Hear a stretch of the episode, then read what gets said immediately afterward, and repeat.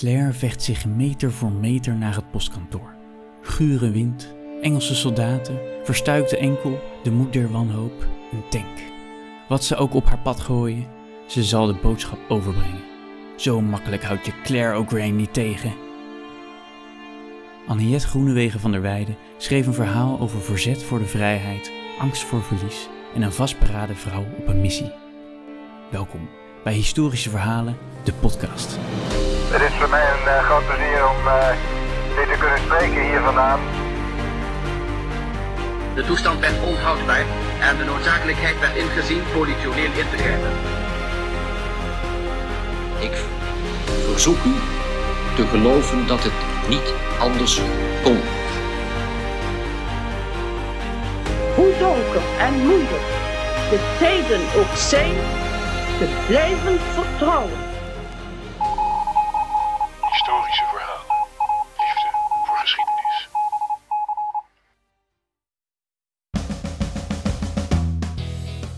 Welkom allemaal.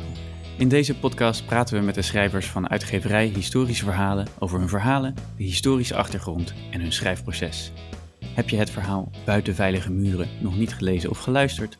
Wees gewaarschuwd, want deze podcast bevat spoilers. Ik ben Kei Tengeler en bij mij zit mijn co-host en de man die zijn auteurs door een oorlogsgeweld aan redactionele opmerkingen stuurt om aan het eind te kennen te geven. Ik ga kijken of ik iets kan doen. Rick van der Vlucht. Hey Rick. Hey, goedemorgen. Goedemorgen. Hij is weer mooi. Ja, Ja. ik, eh, ik hoop dat je de meeste auteurs aan het einde van het oorlogsgeweld wel een, eh, een mooi verhaal kunt geven. Maar ja, dat hoop ik ook. We kunnen zo meteen even checken bij de auteur in de studio die er naar kijkt. ja, precies. Ehm, maar voordat we zover zijn, je hebt een eh, nieuw initiatief opgestart. Ja, dat klopt. De Historische Schrijfkamer. Ja, we gaan workshops en cursussen aanbieden in het schrijven historische fictie. Dat is eigenlijk een idee waar ik al een jaar of twee mee loop en waar ik nooit iets mee gedaan heb. Ik had op een gegeven moment een naam al een keer bedacht. Ik had een keer een logootje ontworpen. En ja, laatst heb ik eh, eindelijk een keer actie ondernomen. Website Mhm. gebouwd. Nou, ziet er netjes uit. Dank je. En de eerste workshop staat gepland voor volgende week. Bij het opnemen van volgende week. De eerste aanmeldingen zijn binnen. Dus eh, ik moet aan de bak. Hoeveel eh, mensen heb je in je eerste sessie? Vier mensen.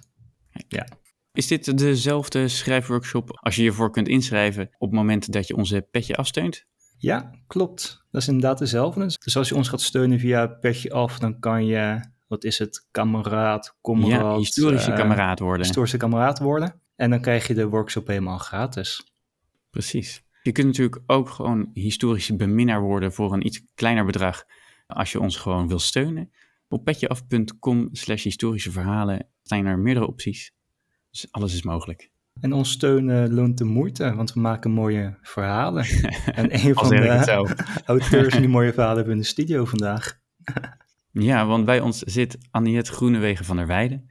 Anniette was al eens korte gast in onze bonusaflevering over de Tweede Wereldoorlog bundel. Met haar verhaal Achter de winkelruit. Over een boekhandelaar die zijn verboden boeken snel moest verstoppen voordat de nazi's de winkel kwamen controleren. Met dat verhaal won Anniette de derde plek in die verhalenwedstrijd. En dit keer komt ze uitgebreid aan bod met haar nieuwe verhaal Buiten Veilige Muren. Waarin de jonge vrouw Claire door een Dublin in een oorlogstand sluipt om een belangrijke boodschap over te brengen. Het leven van haar zus staat op het spel. Anniette voert de lezer langs een spannende tocht, waarna we de adem inhouden of Claire's moedige optreden voldoende zal zijn om haar zus te redden. Welkom Anniette. Goedemorgen, dankjewel voor die mooie intro. Heel graag gedaan. En gefeliciteerd Rick met jouw project. Ik had het inderdaad al ook even voorbij zien komen. Dank je. Ik ben heel benieuwd hoe het eh, gaat lopen. Vast goed. Ik denk dat er veel mensen zijn die dit leuk vinden om te doen, van dit soort historische verhalen te schrijven. Mhm. Ja, en die daar een stappen willen zetten. Dat hoop ik. Als je mensen kent, verwees ze maar door. Zeker, ja, dat ga ik doen. Anniette, wil jij eh, vertellen waar jouw verhaal over gaat? Jazeker. Of waar het vandaan komt eigenlijk? Waar het idee vandaan komt om hierover te schrijven. Ja, Nou, ik vind eigenlijk die eerste geschiedenis, dan vooral in de 20e eeuw, dat vond ik altijd al heel interessant. En er zitten enorm veel gebeurtenissen in die, die uiteindelijk allemaal tot die, die uiteindelijke onafhankelijkheid eh, van Engeland hebben geleid. En daarbij vond ik dan de paasopstand wel een, een specifiek interessant onderwerp. Dus toen ik eigenlijk daarmee bezig wilde om een nieuw verhaal te schrijven, dacht ik, dat zou wel eens een, moment in de geschiedenis kunnen zijn waar een goed dilemma misschien in, uh, in schuilt. En toen ben ik me daar een beetje in gaan verdiepen over hoe dat. Het is een relatief korte opstand geweest. Het was maar echt uh, van maandag tot en met nou ja, vrijdag, zaterdag ongeveer. Mm -hmm. Waarin er wel heel veel gebeurd is. En waarin er dus um, ja, een poging werd gedaan om, om Ierland te, te bevrijden van, uh, van de Engelse overheersing. En om er uiteindelijk een vrije republiek van te maken. Wat wel een heel verwoede poging werd uiteindelijk. Waardoor ik het juist ook zo interessant vind, ja. denk ik. Voordat we die geschiedenis induiken, uh, wat is jouw persoonlijke connectie dan met dit verhaal, met die geschiedenis? Um, ik was in 2019 was ik een halfjaartje in Ierland geweest om daar te studeren. Toen deed ik zo'n uitwisselingssemester. En toen heb ik daar eigenlijk voornamelijk vakken gevolgd over die eerste geschiedenis, waar ik toen eigenlijk nog niks over wist hoor. Ik was daar eigenlijk um, op de goede gok een beetje naartoe gegaan. En toen heb ik daar allemaal vakken Dublin over is wel een leuke stad. Ja, ik zat ja. toen in Galway en ik ben ook in Dublin ah. geweest. En toen dacht ik, oh ja, dan doe ik daar ook vakken over die geschiedenis. Maar ik, ik wist er eigenlijk niks over, moet ik uh, heel eerlijk toegeven. Maar toen trok dat toch wel, ook door het het idee dat het eigenlijk allemaal nog maar heel kort geleden is. Hmm. Um, omdat we denken in de Nederlandse geschiedenis ook wel opstanden en, en dergelijke hebben meegemaakt. Maar dat is allemaal gewoon veel langer geleden. Voor hen is dat nog heel recent. En dat leeft ook echt nog heel erg. Dat merk je daar ook wel heel erg. Dat, dat vind ik altijd wel, wel heel bijzonder. Dus toen is dat wel heel erg gaan trekken. En toen had ik natuurlijk in eerste instantie het verhaal over de Tweede Wereldoorlog gedaan. Voor specifiek die bundel. Maar toen had ik eigenlijk al wel zoiets van... Oh, ik zou het ook wel heel leuk vinden om ook nog iets Iers uh, te doen. Ja, wat is er dan precies in die opstand die zo, die zo boeiend is?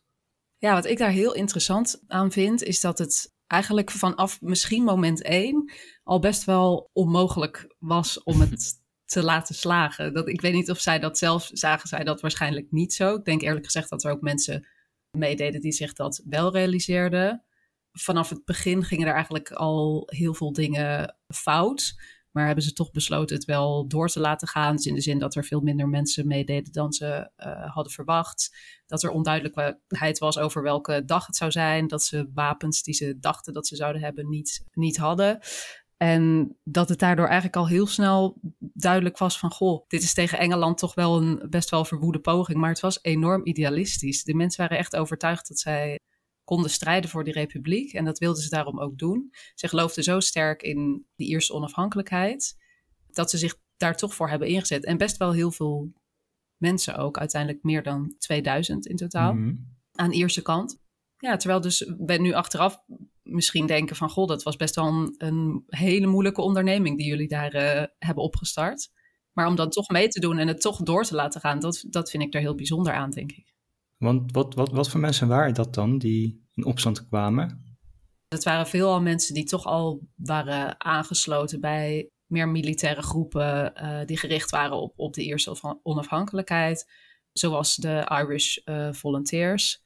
Dus die toch al in een, een kring zaten waarin er heel veel aandacht was voor, voor die onafhankelijkheid, die uh, heel erg in die tijd ook vanaf het eind van de 19e eeuw bezig waren met het terugbrengen van de Ierse cultuur. Omdat er de Engelse cultuur gewoon heel erg de overhand had gekregen in Ierland. Door dus die overheersing. Ja, want kun je dat nog even uitleggen? De, dat, uh, dat grotere plaatje van die relatie tussen uh, Ierland en Engeland? Ja, die Engelse overheersing was er eigenlijk op dat moment al, al eeuwenlang volgens mij vanaf de 12e eeuw. Maar ik hoop dat ik dat goed zeg. um, die was er eigenlijk al eeuwenlang. Is ook altijd wel heel erg betwist. Er zijn meerdere momenten geweest waarop dat op losse schroef heeft gestaan. Is altijd wel zo gebleven. Waarbij de Ierse bevolking ook wel veel in de 19e eeuw heel erg daaronder geleden heeft. Onder de Engelse over, overheersing. En waarin dus in de 20e eeuw voornamelijk stappen zijn gezet om uiteindelijk tot die onafhankelijkheid uh, te komen. Wat ook wel geleid heeft tot de tweedeling in het land die er nog steeds is. Ja, tussen Noord-Ierland en Ierland. Ja, precies. En dan is die paasopstand daar één moment in een hele lange serie van oorlogen en dergelijke om dat te bereiken. Die nog best wel lang daarna ook zou duren. Hoe is die paasopstand dan ontstaan? Waarom gebeurde het op dat moment? Um, er was niet, denk ik, één katalysator, denk ik. Ik denk dat het wat meespeelde wel in het feit dat die opstand toen plaatsvond, is dat Engeland ook op het vasteland uh, de Eerste Wereldoorlog aan het uitvechten was. Hmm. En dat de Ieren dus wel een kans zagen om daar uh, misschien een slag te slaan op het moment. Dus die Irish Volunteers en andere groepen misschien, die dachten, dit is ons moment, we plannen een, een opstand. Ja, en dat hebben ze wel in het geheim gedaan. Wat ook deels wel het heel lastig maakte om daardoor veel mensen samen te brengen. Uh, het is dus ook niet gelukt zoals ze het voor ogen hadden. En dat is natuurlijk achteraf gezien ook wel veel um, kritiek geweest op, op de manier van organisatie. Omdat het eigenlijk de bedoeling was om in uh, heel veel uh, Ierse steden zo'n opstand te beginnen. En niet alleen in Dublin. Dat was eigenlijk niet het idee. Het zou over heel veel plaatsen in het land zijn, Ah. zodat het veel sterker zou zijn. En dat is eigenlijk nooit gelukt. In veel andere plaatsen is het helemaal nooit opgestart, waardoor het eigenlijk vrijwel alleen in Dublin was. En daardoor ook wel heel klein was. En um, heel moeilijk om de rest van het land daar natuurlijk ook in uh, mee te krijgen. Maar ze hebben het toch uh, laten doorgaan. Die keuze hebben ze toch gemaakt. Ja, als ik dit hoor, dat conflict wat erin zit van hé, hey, we willen een opstand, we willen onafhankelijkheid, maar het is ook heel erg lastig, dit gaat er misschien niet worden, dan ligt het voor de hand om een verhaal te schrijven over een van de leiders van de opstand. Ja. Maar dat is niet waar jij voor gekozen hebt. Nee, daar heb ik inderdaad niet voor gekozen, omdat ik, wat ik heel interessant ook vond aan die, die paasopstand, is dat er eigenlijk best veel vrouwen meededen, hmm. waar momenteel wel meer naar onderzocht wordt, maar wat heel lange tijd vrij onderbelicht is gebleven. Er waren eigenlijk meer dan 200 richting de 300 vrouwen die daaraan uh, meededen en die vanaf dag één eigenlijk uh, hebben klaargestaan om, om ook mee te doen. Dus dat was eigenlijk de overweging dat ik ook dat heel graag wilde belichten, omdat ik dat gewoon heel leuk vind om um, dergelijke groepen, zoals vaak vrouwen die dan nog niet helemaal goed zichtbaar zijn in de geschiedenis, ook dan een beetje een, een, gezicht of een stem te geven. En dat dan in combinatie met dat dilemma heeft dan een beetje tot dit karakter geleid, omdat zij daar allebei onder valt, zeg maar. Mm. Komt allebei in haar terug. En dat vond ik, um, ja, dat was de uitdaging, maar dat vond ik dus ook wel heel erg uh, leuk om te doen. Ja, het is wel een fictief personage, toch? Ja, het is wel een fictief personage. Uh, zowel Claire als Maeve, allebei de zussen, uh, zijn niet per se op um, bestaande personen gericht. Maar het zijn wel een reflectie, denk ik, van misschien de groep vrouwen als geheel. Ik denk dat ik de vrouwen die allemaal voorkomen in het verhaal best bewust een reflectie heb willen maken van de vrouwen die überhaupt meededen aan die opstand. Dat vond ik wel belangrijk. Dus er is één iemand, Bridget, die zit er op een die zit er maar vrij kort in. Maar zij uh, is verpleegster, dus was voor het Rode Kruis. Dat deden veel vrouwen. Er komt een koerier in voor en Claire wordt zelf koerier op een gegeven moment. Dat was een rol die veel vrouwen uh, op zich namen. Met gevaar voor eigen leven ook echt. De zus van Claire, Maeve, die vecht echt ergens. Die is echt uh, met wapens aan de gang. Dat is wel opvallend voor die tijd, dat, die, dat Maeve zelf het, het slagveld betreedt, zeg maar. Ja, absoluut. Op zich waren ook niet alle mannen die in de paasopstand meededen het daarmee eens, geloof ik. Maar ja, en deze vrouwen hadden ook echt uh, van tevoren echt militaire training gehad. Dus echt hoe herlaat je die wapens, hoe schiet je. En het waren best wel uh, grote groepen die daar meededen. Het was zeker wel, wel bijzonder. Ja, want even voor het in beeld deden iets van 4.000, 5.000 mensen mee aan de opstand. In het begin iets van 1200 aan de Ierse kant in totaal. En dat werden er ongeveer 2500. Okay. En daarvan dus meer dan 200 vrouwen. Dus op zich best een groot, uh, groot aandeel.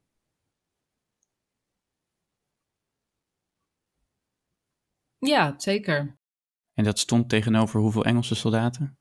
Ja, in het begin dus nog maar heel weinig. De eerste twee dagen denk ik een paar honderd. Dus er waren niet zo heel veel aanwezig in Dublin. Maar uiteindelijk vanaf woensdag, wat een beetje het keerpunt was. Dus dat was dan dag drie. Daar zat een beetje het keerpunt in, omdat toen Britse troepen zijn gearriveerd in de ochtend. En toen waren de Engelsen uiteindelijk met 20.000. Oeh. Ja. dus dat was wel um, een groot verschil. uh, ja, toen werd het natuurlijk wel heel lastig. En toen kwamen ze dus ook uh, onder andere met tanks. Ja, en uh, toen werd het gevecht wat, wat aan de gang was überhaupt al, dat is toen echt enorm geïntensiveerd. En heeft toen ook de stad gewoon, nou ja, wel meer in puin gelegd dan de eerste twee dagen uh, gebeurde. Toen werd er echt, vond er echt vuurgevecht plaats in de straten en dergelijke. En um, ja, werden ze toch wel een beetje onder de voet uh, gelopen aan de eerste kant. Claire is in het, het hele verhaal eigenlijk op weg naar de GPO, het uh, postkantoor. Ja. Ik ben ook in Dublin geweest, dus ik, ben, mm. oh, ik heb het postkantoor in levende lijven gezien. Ja. Uh, maar kun je uitleggen wat, de, wat die rol is van dat postkantoor in de opstand en hoe je dat vandaag nog steeds in Dublin ziet? Ja, ik denk dat uh, de GPO, dat was eigenlijk de centrale plaats in die opstand. En dat kwam voornamelijk, denk ik, omdat daar, nou, sowieso is het centraal gelegen, maar daar werd eigenlijk uh, de opstand begonnen. Daar verzamelde men, daar werd de vlag gehesen en daar werd de Ierse Republiek uitgeroepen op dag 1. Dus dat werd een beetje het centrum. Het is, het is een heel groot gebouw, je hebt het dan dus uh, gezien. En dat werd een beetje het gebouw waarvanuit uh, alles bestuurd werd. Waar denk ik ook de belangrijkste leider op dat moment Patrick Pierce was. En die locatie hebben ze ook best wel heel lang uh, vastgehouden. En dat zie je inderdaad vandaag de dag daar nog steeds wel, denk ik. In de zin dat je daar naar binnen kan lopen. Volgens mij kan je er ook een klein museum in. Ik heb dat zelf nooit gedaan, maar heb ik wel gezien. En um, als je daar binnenkomt, dan zijn er best wel wat plaatsen waarop er tekst en uitleg wordt gegeven over die, uh, die paasopstand. Het is een beetje een symbool misschien wel voor... Um... Ja, ze zijn er best trots op, ondanks dat het misschien een, een uh, ja, ze zijn kansloze missie was vanaf best het begin. trots op. Ja, nou in die zin is het zeker wel een, uh, een interessant moment geweest. Ook in de zin dat uh, wat hen ook niet hielp, die arme opstandelingen, dat de bevolking er gewoon eigenlijk echt niet achter stond. Denk dat die gewoon ook heel erg overvallen waren over wat er gebeurde. Dus ze hadden geen steun van de bevolking. Tot het moment dat aan het eind van die opstand de belangrijkste mannelijke leiders, zeg ik er dan bij, uh, zijn geëxecuteerd door de Britten. Uh, als straf. En toen is eigenlijk die publieke opinie heel erg tegengekeerd. En is het juist heel erg symbolisch geworden voor die, die idealistische strijd voor onafhankelijkheid. Dus het was in het moment misschien onhaalbaar, maar het heeft toch uiteindelijk meer teweeg gebracht dan, dan je misschien zou denken. Het is een soort martelaarsopstand geworden. Ja, zij werden echt martelaren. Ja, ik ben wel benieuwd naar het schrijfproces, maar ik weet niet of jij nog uh, meer weet over de geschiedenis, Kai. Ja, duik erin. Duik erin. Ja, Anna, zou je iets kunnen vertellen over hoe je bent begonnen met schrijven? Ja, ik denk dat ik dat eigenlijk best wel jong al heel erg leuk vond om te doen. En toen waren het voornamelijk kinderverhalen, dus een beetje uh, meer voor mijn uh, eigen leeftijd toen nog. En toen heb ik het een tijd ook wel niet gedaan. En ergens ben ik daar dan weer mee begonnen. Het was wel voornamelijk kinderverhalen. En toen heb ik dat een beetje uitgebreid door een paar cursussen te doen in meer het sferen van korte verhalen en uh, proza schrijven. Om een beetje die stap te zetten naar meer uh, volwassenen dingen. Dus, dus daar ben ik een beetje, toen ik net in mijn studietijd zat, toen heb ik dat weer een beetje opgepakt. Mm. En toen deed ik ook, ik vind korte verhalen vind ik leuk om te doen. En dan deed ik ook wel eens wat wedstrijden mee. En toen heb ik een keer bij jullie meegedaan. Ja, toen is dat ook wel meer gaan, gaan boeien überhaupt om, om korte historische verhalen te, te schrijven. Okay. Dus dat doe ik met, met veel plezier. Waar gingen die kinderverhalen over? Ja, het leukste daaraan is dat het over alles kan gaan. Dat is, mm -hmm. dat, dat is hartstikke, hartstikke breed. En daar heb ik er nooit heel veel uh, van gemaakt hoor, moet ik zeggen. Maar uh, goh, waar gingen die ook alweer over? Moet ik nu even schuldig blijven? Niet over de eerste opstand. Nee, ze gingen, nee gelukkig niet. Dat is niet een gezellig kinder, kinderonderwerp. Nee. Nee, die waren heel breed. Het is altijd iets met dieren of zo, heb ik het idee. Dat vond ik altijd heel erg leuk. Vorige podcast noemde je dat je op een gegeven moment ook een, een schrijfcursus hebt gevolgd bij Jeroen Windmeijer, ja. die uh, in onze vorige podcast was. Klopt. Dan moet je toch een bepaalde drang hebben om te denken van, oh, ik wil hier echt beter in worden. Ik wil hier echt iets mee doen. Zeker. Ja, ik vind het sowieso leuk om, om jezelf daarin uit te dagen. Kijk, als dat je hobby is, dan uh, moet het moet leuk blijven natuurlijk. Maar ik vind dat er ook wel wat in zit om daar jezelf in te willen verbeteren. Uh, ik vond de cursussen ook altijd heel nuttig in de zin dat het, en dat hoorde ik van veel van mijn medecursisten toen ook hoor, dat het hm. ook wel een stok achter de deur is. Omdat hm. het vaak toch dan een hobby blijft, het uh, schrijven, en dat het er ook best wel vaak bij inschiet. En dat het heel goed is als je op een een avond iets moet aanleveren, zodat de rest iets uh, te lezen heeft. Dus ik heb het zeker gedaan voor een stukje ontwikkeling, maar het was ook altijd heel nuttig omdat je het dan gewoon deed. Ja. Dat is ook wel heel prettig aan dat soort cursussen. En prettig als je iets doet voor historische verhalen, want er komt altijd weer een mailtje binnen dat je er iets, uh, dat er iets geschaafd of gedaan moet worden. En dan heb je wel weer een stok achter de deur om eraan te gaan werken. Ja. Mm-hmm. Ja, je noemt nu het schrijven een paar keer een hobby. Ja. Is dat omdat het echt een hobby voor je is? Iets dat je er gewoon bij doet? Of is het iets waar je wel echt meer mee wil? Ja, ik, het is een hobby, maar ik neem het wel serieus. Ik zou er wel meer mee willen, zeker, dat wel. Af en toe wordt er iets uh, opgestuurd naar een uitgeverij of wat dan ook. Uh, ja, tuurlijk, zou, dat zou ik wel heel erg leuk vinden. En um, daarvoor blijf je ook uh, hopelijk ontwikkelen. Mm-hmm. Ik denk dat veel mensen die schrijven dat uh, een beetje als stiekem droom hebben. Om daar uiteindelijk toch nog wat mee te doen. En ik heb dat ook. Dus uh, ja, daar, daar ben ik wel actief mee bezig. Ja. Wat maakt het dan zo leuk om te doen? Wat maakt het zo leuk om te doen? Ik denk wat het voor mij is, is dat ik weet dat ik iets heel erg leuk vind om te doen. Als ik het niet door heb hoeveel tijd er voorbij gaat als ik daarmee bezig ben. Zeg maar, ik kan dan, als ik schrijf, dan, dan kan ik daar helemaal in zitten. En dan Mhm. kan ik daar zo een lange tijd mee bezig zijn zonder dat ik dat door heb gehad hoeveel tijd er voorbij is gegaan. Dat is voor mij altijd een, een goede indicatie van dat ik echt heel erg in iets eh, zit. En dat het eigenlijk op heel veel momenten in mijn leven wat terugkomt. Dat ik heel snel als ik iets hoor of zie kan denken, oh daar, daar wil ik iets over schrijven. Ik heb altijd heel veel bestandjes met korte dingetjes, weet je. Ik, dat is altijd een beetje mijn tactiek om gewoon maar een beetje te beginnen. Dat je er gewoon eigenlijk best wel veel mee bezig bent of zo in je, in je dagelijks leven. Dat zijn voor mij denk ik indicatoren dat ik dat, dat ik dat echt heel erg leuk vind. En je kan er iets wat anders in je hoofd blijft gewoon mee op papier zetten. En dat vind ik heel bijzonder. En als je het hebt over historische verhalen, daarbij vind ik het heel erg mooi om een, een, een beeld kunt schetsen van iets wat, wat echt is gebeurd. Je kan je daar zelf een voorstelling bij maken. Hoe moet dat geweest zijn? Wie waren die personen? Wat hebben zij toen ervaren? En natuurlijk kan je dat alleen zelf invullen, eh, als daar geen Mhm. info over is. Maar dat vind ik hartstikke mooi, dat je daar zelf een verhaal dan bij kan schetsen.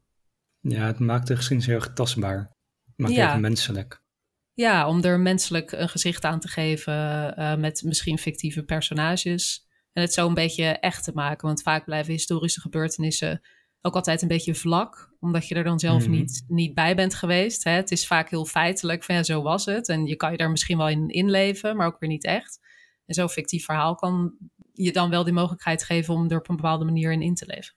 Klopt, dat is sowieso herkenbaar wat je zegt. Ja. En hoe zat dat bij dit verhaal? Want je vertelde vorige keer dat je een verhaal schreef eigenlijk over waar je je scriptie over hebt geschreven. Ja. Dus daar zat je heel diep in de materie en dan was de overgang van, hey, ik ga hier ook een verhaal van maken, eh, relatief makkelijk. Hoe zat dat hier? Ja, Hier had ik dat ook wel, omdat ik toen meer ging lezen over die vrouwen die mee hadden gedaan aan die opstand. Dat ik dat heel bijzonder vond. Die personages zijn vaak ook heel bijzonder. Ik had die koerier die in het verhaal zit, Margaret, die heb ik wel gebaseerd op een vrouw die Margaret Skinner heette. En zij was nog maar 23. Het was gewoon een, een docente, een juf eh, van 23.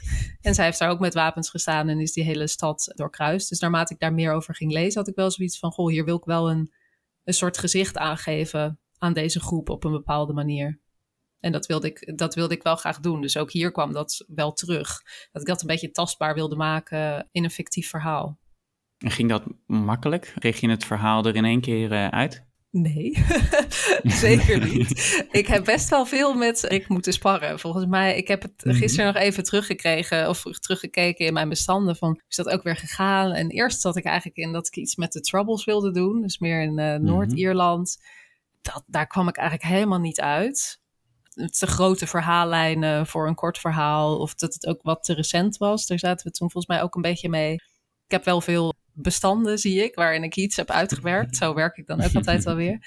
Ehm, nee, dat, dat liep toen een beetje spaak. En toen kwam ik uiteindelijk op dit. Toen ging het wel redelijk makkelijk. Maar ook hier hebben we echt wel goed erover moeten nadenken. Waarbij ik het vooral lastig vond om een beetje die belevingswereld van die hoofdpersoon van Claire dan echt goed vast te leggen. Met een beetje dat, dat dilemma van aan de ene kant wil ik wel meedoen aan de opstand voor idealistische redenen, maar aan de andere kant ook weer niet. Dat, dat was eigenlijk heel moeilijk toch vast te leggen. Misschien ook omdat je dus helemaal niet weet hoe dat nou echt was voor mensen. Ja. Maar dat, Ja. nee, daar, daar hebben we wel veel. Daar hebben we wel, het heeft wel wat voeten in de aarde gehad om uiteindelijk hier toe te komen. Dat, dat geef ik onmiddellijk toe. Ik denk dat het vorige Mhm. verhaal van die boekhandelaar, dat, dat ging iets makkelijker. Als ik eerlijk ben, ja. Ja, want Claire heeft duidelijk wel een hekel aan de Engelsen. Maar goed, dat mag ook wel als je in zo'n eh, situatie Ja. zit. Maar het is wel lastig je vinger op te leggen waarom zij dan inderdaad zo graag die, die republiek voor zich ziet. Ja, precies. Ik denk dat ze dat zeker ook heel erg gevoeld heeft. En dat ze nog steeds wel voelt dat ze dat wil. Ik denk waar, waar het dilemma dan voor haar voornamelijk erin komt, is dat ze op een gegeven moment merkt dat haar dierbare, dus haar zus, uiteindelijk in gevaar is. En dat voor haar dan ineens de vraag opkomt van hoe belangrijk vind ik dat dan? Ja, mijn indruk was ook dat Claire gewoon niet zo'n heel sterk personage is. In de zin van dat ze zich ook een beetje heeft laten overtuigen om mee te doen. Dat ze ook een beetje opkijkt naar, naar grote zus, naar andere mensen. Ja, Dus dat ze misschien helemaal niet volledig rationeel bewust heeft gekozen van ik ga meedoen in deze opstand en ik weet ten volste wat dit betekent. Zeker. Ik denk dat er mensen, vrouwen daar zijn die misschien er sterker achter stonden. Die misschien meer idealistisch uh, waren dan zij. Ik ben wel benieuwd naar het verhaal van Maeve. Misschien was die wel uh, veel vuriger idealistisch. Ja, dat zou je zeggen inderdaad. Heeft haar zusje meegetrokken. Die heeft de zus gewoon meegenomen. Ja. En dan ja. moet ze nu zelf gered worden. Nee, maar inderdaad. Uh... maar goed, uiteindelijk is ze misschien ook wel een sterk karakter. Omdat ze uiteindelijk dus wel zich toch uiteindelijk de stad inwaagt, hoewel ze dat echt heel graag niet zou willen doen, nee. om toch die uh, brief over te brengen. Dus misschien moet ik Klopt. toch wel een beetje pleiten voor toch haar sterke uh, karakter. Misschien niet haar ja. extreem sterke idealisme, goed. maar wel uh, toch het idealisme van misschien de, de familieband of iets dergelijks. Even een lans breken voor Claire. Ja, ik moet toch een lans voor de breken. Ja, dat is dan bij je eigen personages, daar heb je toch een bepaalde feeling bij. Ja, want volgens mij was het plot-idee vrij snel op papier. Ja. Van het idee van uh, ze zitten daar in de rechtbank, geloof ik. Ja. En er moet een telegram bezorgd worden. Ja. Volgens mij was dat, was dat idee dus vrij snel op papier gezet. Hoe ben je eens maar begonnen dan met dit, dit verhaal? Met het uitwerken van dit verhaal-idee? Je zei net, je, je hebt allemaal uh, documentjes waar je dingen, dingen uitwerkt. Hoe, hoe breng je dat dan weer samen? Ja, mijn tactiek is altijd gewoon maar te beginnen, zeg maar. Misschien het zou het uh, goed zijn om soms iets langer te wachten. Maar op zich is dat voor mij wat toch het beste werkt. Om toch gewoon te gaan schrijven. Omdat ik dan vaak toch denk, of toch wel kan aanvoelen of het werkt of niet. Mm-hmm. En dat als het echt niet loopt, dat ik het er echt niet uitkrijg, dat het dan waarschijnlijk niet echt goed is. Of dat het dan gewoon niet werkt uh, zoals ik het heb bedacht. Betekent dat het dan ook dat je makkelijk afscheid kan nemen van dingen? Ja, op zich wel. Ik kan best wel makkelijk ook weer iets, iets aanpassen, denk ik. Gelukkig maar, want dat, dat moest ook soms wel. Anders zou het heel lastig zijn geworden. Nou ja, ik weet nog wel een paar mailtjes waarin je zei van... nou, ik heb toch wel even moeten slikken en... Absoluut. Ik heb toch wel even adem, uh, diep, diep adem moeten halen. Ja, zeker. Ik heb het af en toe wel eventjes moeten laten liggen. Dat is zeker waar. En ik moet zeggen dat het mij goed deed om toen ik het podcast ook luisterde af en toe te horen dat dat bij veel auteurs volgens mij zo is.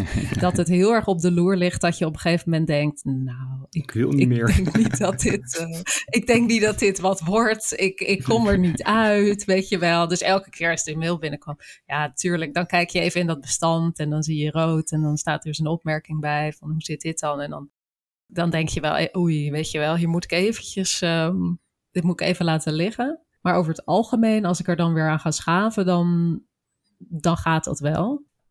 Ik zie altijd wel veel opties of zo, denk ik. Soms misschien te veel. Mm-hmm. Uh, ik zie altijd wel veel manieren waarop iets ook zou kunnen. Of hoe je iets anders uit kan werken. Wat dus soms misschien lastig is, omdat je er uiteindelijk wel één moet kiezen. En dat het wel echt een één duidelijke lijn moet worden. Uh, in plaats van ja. dat je meerdere opties uh, er allemaal half in verwerkt. En uiteindelijk, ja, dat is natuurlijk een cliché, maar uiteindelijk wordt het er beter van, zeggen we dan. Ja. En uh, uiteindelijk word je er zelf ook uh, beter mm. van. Maar je hebt zelf ook een master in redigeren of redactie gedaan. Ja, dit doe ik nog. Ik weet niet hoe het precies heet. Ja, master redacteur, editor aan de UvA. Dan, dat geeft je, lijkt me ook een heel andere blik op, op zo'n proces. Ja, zeker wel. Ik, ik um, loop nu dan stage op een redactie ergens. En ik kan me wel wat beter inleven misschien dan in de, hoe, hoe, je, hoe ga je dat nou eens brengen, weet je, ook als redacteur. Niet dat ik uh, op dit soort wijze, zoals Rick doet, feedback moet geven hoor. Maar ik, um, ik denk wel dat ik, dat ik kan begrijpen of zo hoe die auteurs het echt zien als hun tekst en hoe belangrijk dat is. En hoe persoonlijk dat ook is. Dat je die karakters creëert en dat je, dat je daar dan wel gewoon heel veel waarde aan hecht. Ook al zit ik dan in de non-fictie. Uiteindelijk is dat ook iets wat mensen hebben gecreëerd. Waar ze trots op zijn, waar ze blij mee zijn. En waarin het ook best wel lastig is om dan nog dingen te gaan aanpassen. Ja, je moet inderdaad een beetje lief zijn voor je auteurs. En ze een beetje diplomatiek meenemen in dingen die anders moeten. En dat op zich is dat best, best wel een vak. En tegelijkertijd denk ik ook dat je als auteur af en toe wel uh, wat tegengas mag geven. Ja. Ik denk dat een redacteur ook niet alle wijsheid en pacht heeft van alle tijden. Zeker niet. Het is een beetje geven en nemen mm. vaak ook, denk ik. Als je misschien tien dingen wil, dan moet je ze misschien niet alle tien vragen. Of niet tegelijk. Uh, ja. of niet tegelijk, inderdaad. Heel slim. Ik zie nu waar alle redactierondes vandaan komen. Nee, maar... Yeah. Ja, En andersom, op het moment dat het juist over je eigen verhaal gaat, dat je dan denkt van ja, ik ben redacteur, ik, zou ik dit niet zelf ook moeten hebben kunnen zien? Ja. Ja, nu ben ik niet, eh, dus ik zit niet zelf heel erg in de hoek van de fictie. Maar ja, ik, ik denk dat ik op bepaalde momenten wel zoiets had van ja, dit had ik misschien zelf inderdaad ook wel kunnen zien. Misschien op taaldingen inderdaad ook, maar ehm, ook, ook wel in de verhaallijn. Dus misschien is het dan toch moeilijker dan je denkt om dingen die je helemaal hebt gecreëerd eh, ook weer aan te passen. Ja, het is super lastig om echt los te Ja. komen van je eigen tekst. Ik heb het zelf Ja, ook. Ik heb ja. honderden verhalen geredigeerd. En dan stuur ik een hoofdstuk van mijn eigen manuscript op. En dan krijg ik echt punten terug. Die ik zelf ook altijd aankaart bij mensen. En ik denk, oh ja, we gaan haar beter dan, Absoluut. dan een gemiddelde auteur. Ja, het is heel anders. En zelfs nadat wij er best wel veel redactioneel werk in hebben gestoken, kwam het langs de eindredactie er ook nog niet direct helemaal. Ik kijk even naar jou. Ehm, dus z- zie je, weet je, dat is weer een extra blik. En dat kijkt er weer heel anders naar. Dat zei jij toen Mhm. ook, omdat ik dat eventjes. eh, Dat was even een moment dat ik slikken Ja. vond, inderdaad. En toen zei je dat ook. Ja, het is de luxe van een frisse blik. Ik heb het verhaal ook eh 9, 10 keer eh, bekeken. Dus ja, voor mij is het 9 ook à 10 niet- keer, niet 19 keer. Dat moet eh, even duidelijk. eh. 9 à Ja. 10. Rick, heb jij eh, nog een favoriete passage uitgekozen? Ja, dat heb ik zeker gedaan. Ik pak hem er even bij. Nou, daar ben ik wel benieuwd naar. Ja, ik, ik snap dat dit ook een spannend moment is voor auteurs. Zeker. Hier zat ik op te Nou wachten. ja, 45 Ja. minuten lang, maar ja. Inderdaad. Oké, ik heb een eh, passage uitgekozen wat denk ik goed laat zien wat het conflict is van de hoofdpersoon. En dat gaat eh, als volgt. De republiek kan me gestolen worden, dacht ze. Wat heb je aan autonomie als je geliefde ervoor verliest? Ja, daar hebben we het over gehad, hè? Exact, exact. Ja, het laat volgens mij mooi, mooi dat, dat conflict zien van inderdaad, eh, wat, wat heb je aan zelfbestuur en autonomie als mensen om je heen doodgaan en als je stad in puin ligt. Precies. Ik kon me hier ook heel veel bij voorstellen. Dat Ja. zij dit zou denken als een van je dierbaarste en ergens in gevaar is. Met wat jij het gevoel hebt, geen schijn van kans. Dat je daar misschien ook zo over na Mhm. kan denken. Het begint met mooie idealen, maar dan eh, loop je vast op de gruwelijke werkelijkheid. Ja. Voelt toch ook een beetje als makkelijk praten, zeg maar, in een gevestigde democratie van eeuwenlang. Met zelfbeschikkingsrechten, noem maar op. Tuurlijk. En daarom zit er denk ik ook bewust geen definitief antwoord op dat dilemma van Claire. Het is niet dat ze kiest voor het ene, of ze stapt ook niet uit de opstand. Mhm.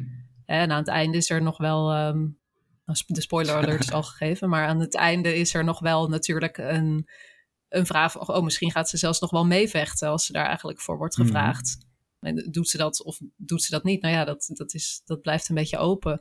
Ja, ja, en deze zin laat ze mooi die, eh, die twijfel zien. En wat was jouw mooiste fragment, Kai?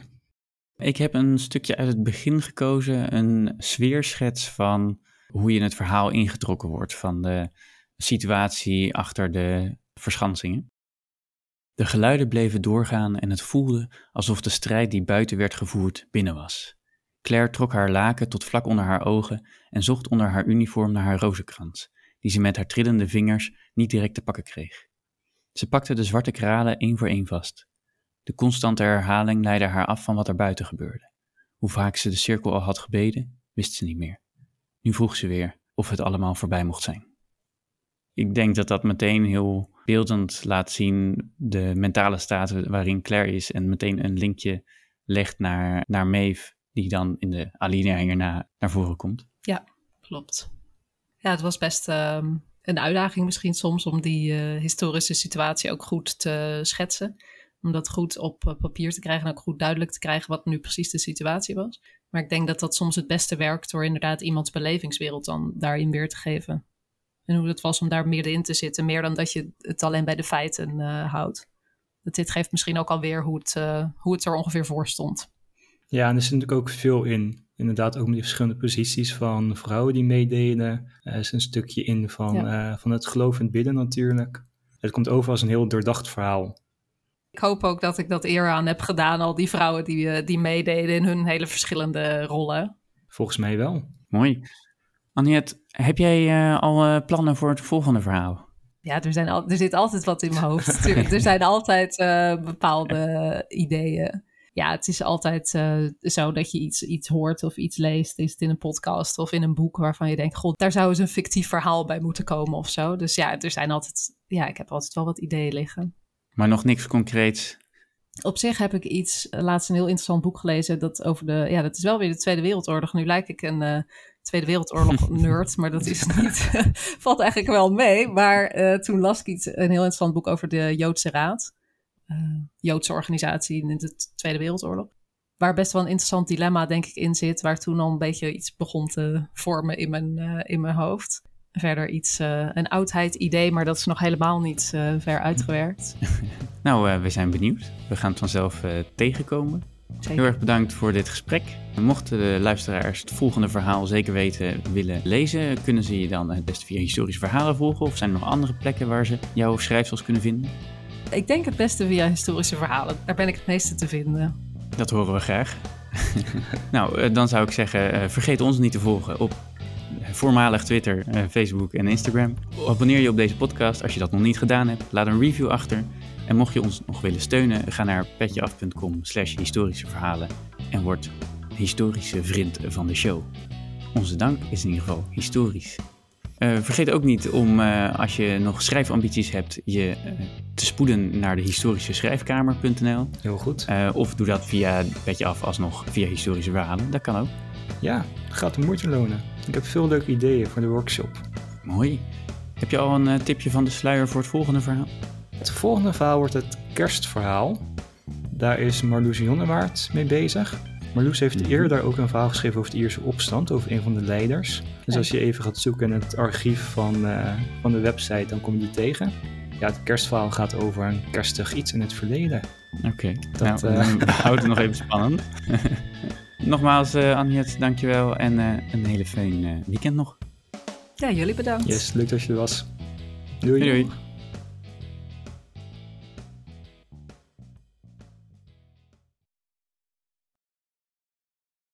Ik ben heel erg verkouden deze week, dus ik ben helemaal geneuspreet en alles. Maar ik hoop dat ik niet hoef te hoesten. Maar een hoestje kan er volgens mij wel uitgeëdit worden. Jawel, dat komt helemaal goed. Ja, ik geloof dat dat niet zo erg is, hè? Ja.